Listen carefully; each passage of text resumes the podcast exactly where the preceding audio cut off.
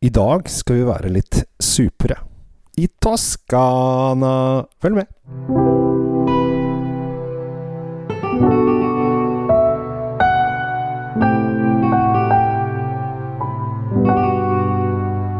Hei og hjertelig velkommen til eh, dagens episode av eh, Kjells eh, vinkjeller. Håper at alt står bra til, og at stemningen er på topp osv. Um, det er jo sommer, selv om det ikke alltid virker sånn. Akkurat når jeg lager denne episoden her, så åpnet himmelen seg litt her på utsiden. Så hvis du hører litt sånn regn i det fjerne, eh, så er det da roa seg faktisk akkurat nå de siste Men jeg måtte faktisk vente litt, for jeg syns det bråkte for mye. Eh, ikke det at jeg tror at du hadde brydd deg altfor mye om det, men det er jo greit å, liksom, at du får bare konsentrere deg om den vakre, vakre røsten min. Og drømme deg bort for enn du er. Eh, hvis du kjører bil, ikke lukk øynene. Bare så det er sagt. Vi skal til uh, Toskana, og vi skal til uh, det som ofte kalles en supertoskaner. Vi er i Bolgri uh, i Toskana, og når man snakker om supertoskanere, så er det ja, Jeg vet ikke hvem som kom med uttrykket først, men jeg føler at det kom liksom på 70-tallet. Kan hende at det kom før, før eller etter det også. Men si da at det kom, det kom en gang, da. Um, Uh, og så uh, var det at det var liksom veldig mange som handlet om at Toskana skal være San Giovese osv. Og, så og det er jo den lokale druen som har vært der helt siden etruskerne. Uh, men så begynte det å komme, spesielt på 70-tallet, så begynte det å komme en del internasjonale druer. Og de kom over hele Nord-Italia. de nappa opp det de hadde, og så ville de prate til International Grapes. Og da var det veldig mange som mente at dette her var jo veldig flott vin. Men eh, den falt jo ikke inn under Chianti eller, eller Brunello eller alle disse områdene de har der. De fant liksom ikke plassen sin der. Eh, så da eh, lagde de da uttrykket supertorskanere, og det er da viner lagd på internasjonale druer. Enten så har de med Sangiovese eh, og internasjonale druer, eh, eller så kan det bare være internasjonale druer. Og så er det dette er et veldig løst uttrykk, så det gjelder jo ikke alle viner. Og hvis du kaller det supertoskaner, så er det noen som syns det er kult, og noen som syns det er ikke kult, osv. Det er liksom ikke noe Det er ikke noe regel her. Her kan hvem som helst kalle hva som helst supertoskaner, så lenge det er noe internasjonal drue som kommer fra Toskana. Uh, og det åpner jo, åpner jo for mye tolkning. Og er det noe som er de glad i nede i Italia, så er det er det eh, tolkning som det. Vi eh, i dagens vin, som eh, heter Puglio, Puglio al Tesoro Mediterra 2019, til den skarpe pris av 245 kroner. Her er det da 30% Cabernet Sauvignon, 30% Merlot og 40% Syra. Dette er en produsent som Altså, de har ikke vært så sinnssykt lenge i i Toskana, disse folka her. Eh, jeg tror de kjøpte denne, denne her gården i 2002.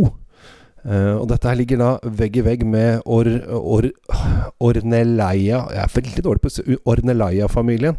Eller Orneleia-gården, som er liksom en av de mest kjente supertoskana-gårdene der nede. Eh, men de som kjøpte den, var Allegrini-familien.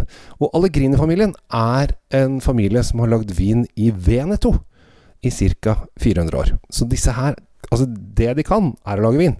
Eh, men så har de begynt å bli litt store Algrine, ganske store produsenter. Og så begynner de, når de blir store og blir rike, så må de ekspandere. Er det ikke det Raga Rocker som sang 'Ekspander eller dø'? Eh, og de gikk for ekspansjon, eh, og de er ikke døde, så da gikk vel det for seg ganske, ganske fint. Så eh, her er det da Allegrini-familien som har tatt seg ei lita tur eh, litt sørover og på den andre siden av landet. Jeg har, jeg har lyst til å drikke litt, jeg, så her må vi ha litt i glasset. Deilig, deilig, deilig. Åh. Det Jeg vet at jeg, jeg møter faktisk jeg, Det må man si her om dagen på butikken, lokalbutikken min, og på Kiwi, eh, som jeg handler.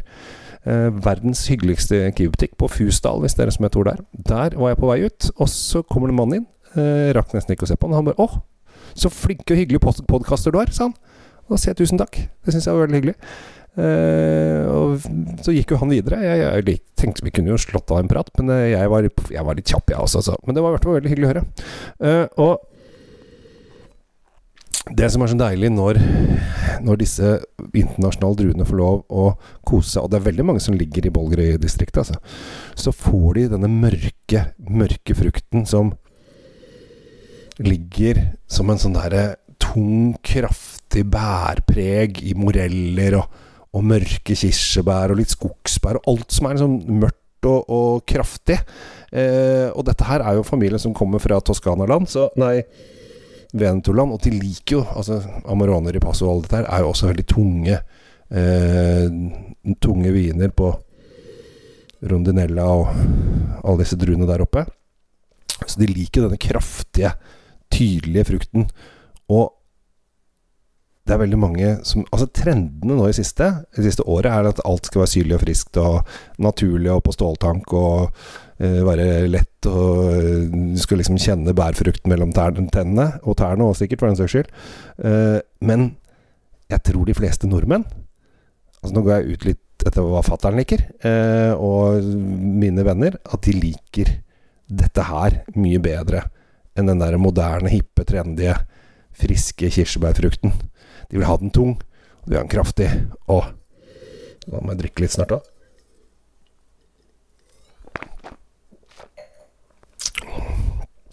Og moden. Med en herlig, mørk frukt. Det kommer liksom litt sånn tobakk og kanskje litt lakris, og så kommer litt sånn fatpreg fra, fra fatet, som gir en sånn litt sånn vaniljefrukt. Litt, kanskje litt sånn kompottpreget. At du kjenner at det er så godt modent at det er nesten Det er ikke syltetøysøtt, men du kjenner at her kan det bli en kraftig litt sånn kompottpreg. Ikke, som sagt, ikke syltesøtt, men litt kompottpreg. Uten Uten uh, problemer. Må ta litt sluk til, jeg.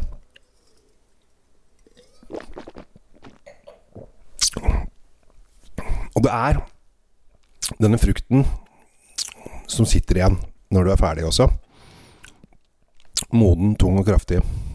Med litt sånn kryddertunge på seg. Og det er deilig. Kjempedeilig vin. Eh, til 245. Da, da, da stiller jeg meg sånn Ja, hva er det Hvordan er folk på det? Fordi at nå, nå har jo prisene gått opp på alt. Eh, skal man da spare på vinen? Eh, blir da 240 for billig, for dyrt? Altså, hvor er vi? Eh, denne her vinen er ikke på en eneste pol, så hvis denne begynner å ryke ut av hyllene, så er det fordi at jeg har drevet og babla litt om det nå. Uh, for jeg tror ikke det er noen andre journalister som har tatt henne for seg. Uh, så det har vært gøy. Så da anbefaler jeg kjøp uh, en pall av gangen. Nei da, trenger ikke det. Kjøp et par-tre viner, så det syns litt. Og så vet jeg det er veldig gøy. mange har jo veldig godt forhold til vinmonopolansatte, og har, går kanskje til fastepersonen Finner en fastperson, det er veldig fint. Og hvis du sier ja, jeg fikk den anbefalt, og den skal være sånn og sånn, så tenker de oi, ja, kanskje, kanskje, vi skal prøve den her i butikken vår. Og så kan det hende at de tar inn den i hylla.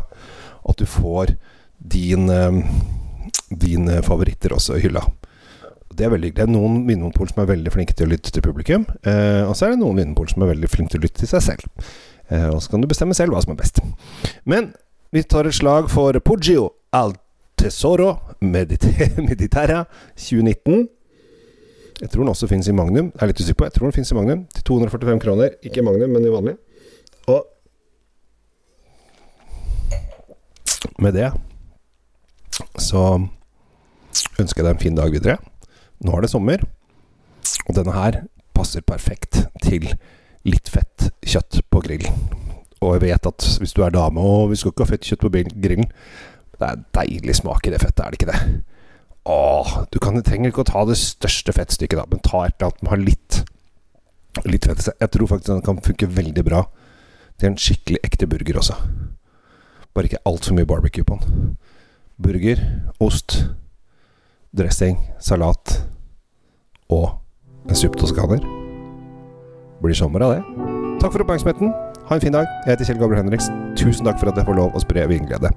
Takk skal du ha.